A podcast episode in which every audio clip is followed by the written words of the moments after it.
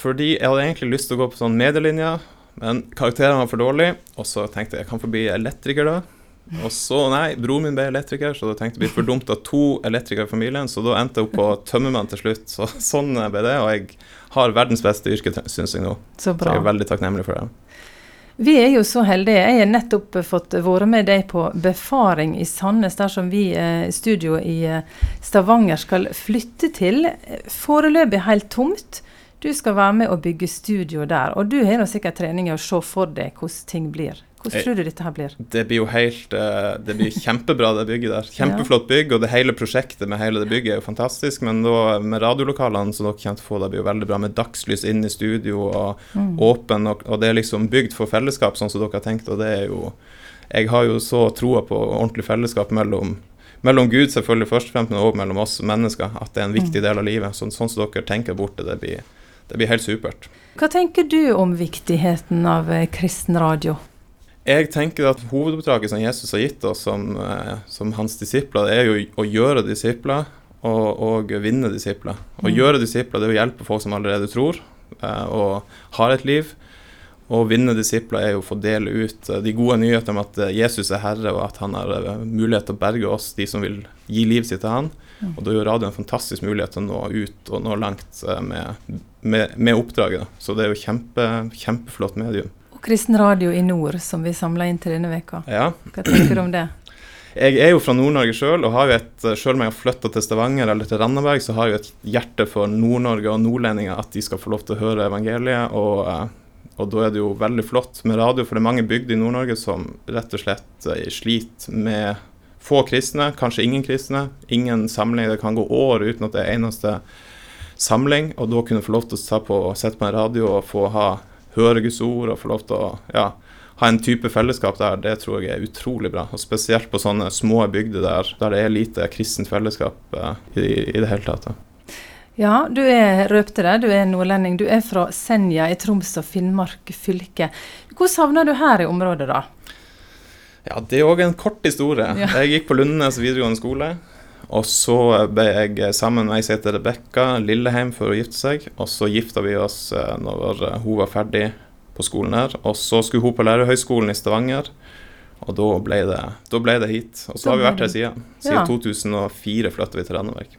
Du, Hva er forskjellen på å bo på Senja og i Rogaland, da? Litt sånn folkelyden og litt sånn. Det er jo forskjellig kultur, er ikke det? Det er litt annerledes kultur. Jeg opplever jo at eh, rogalendinger er veldig høflige og kjekke, og jeg er jo glad i rogalendinger. Jeg har jo en far som er rogalending, til og med, så det er derfor jeg heter Sele til etternavn. Men jeg opplever kanskje at nordlendinger er litt mer kvass, eh, samtidig som mer åpen. Så eh, det er en åpenhet i Nord-Norge som, som er veldig fin. Det er lett å komme i prat med folk, og det er lett å gå innom og ta en kopp kaffe, opplever jeg. Eh, Så kanskje det er hovedforskjellen, at det er litt mer åpenhet i Nord-Norge. Men samtidig er det jo mye kraft og saft i språk og hele den, eh, det som vi det som vi kjenner til og som er typisk nordlendinger, det er jo det er bare sånn det er. Ja. Og det er jo kjekt, det òg. Har du et ord som folk her sør ikke forstår? Jeg har et ord som eh, kanskje ikke blir så mye brukt her, jeg vet ikke om vi bruker det i det hele tatt, men vi har et ord som heter, vi kaller det å grunne.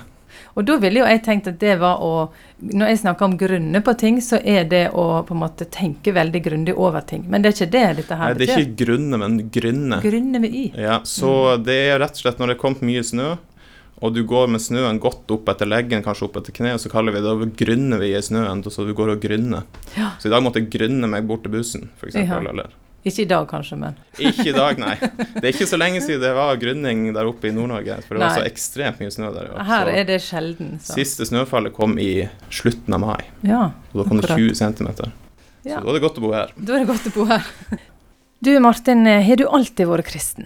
Ja, jeg har for så vidt det, men eh, litt eh, Skal vi prøve å gjøre en lang historie kort? Så jeg vokste opp i en kristen heim, og, og har hatt en fantastisk oppvekst med familie og foreldre som har eh, lært meg og levd, De har levd et fantastisk liv uh, med Gud, og har fått lov til å vise meg uh, Bibelen. Og, Mm. ja, så det har vært utrolig bra. Men så hadde jeg en eh, periode i livet fra jeg var 20 ca.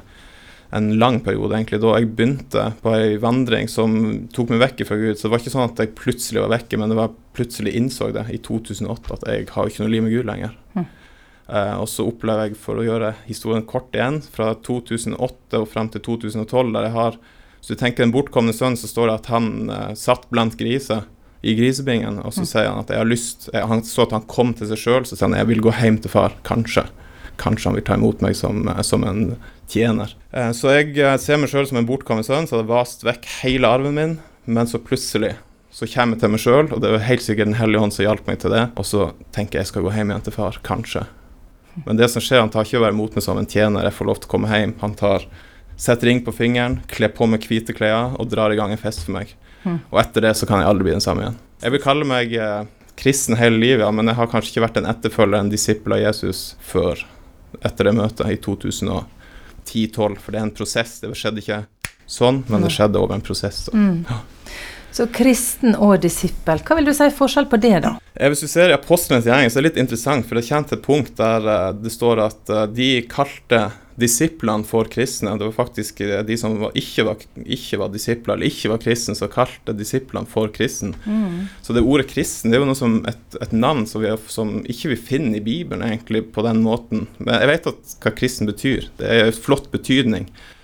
Men en disippel er kanskje mer beskrivende for det Jesus ønsker vi skal være. at vi skal, eh, For han ønsker at vi skal bli mer lik han. At vi mm. skal få lov til å og det er jo en læreprosess. Så vi tar imot Jesus og kommer til tro, og så er alt i orden med Gud. Og etterpå det så ønsker jo Jesus Han sier jo 'kom, følg meg og bli lik meg'. Mm. Og Paulus òg snakker om at vi skal vokse opp og bli lik Jesus Kristus.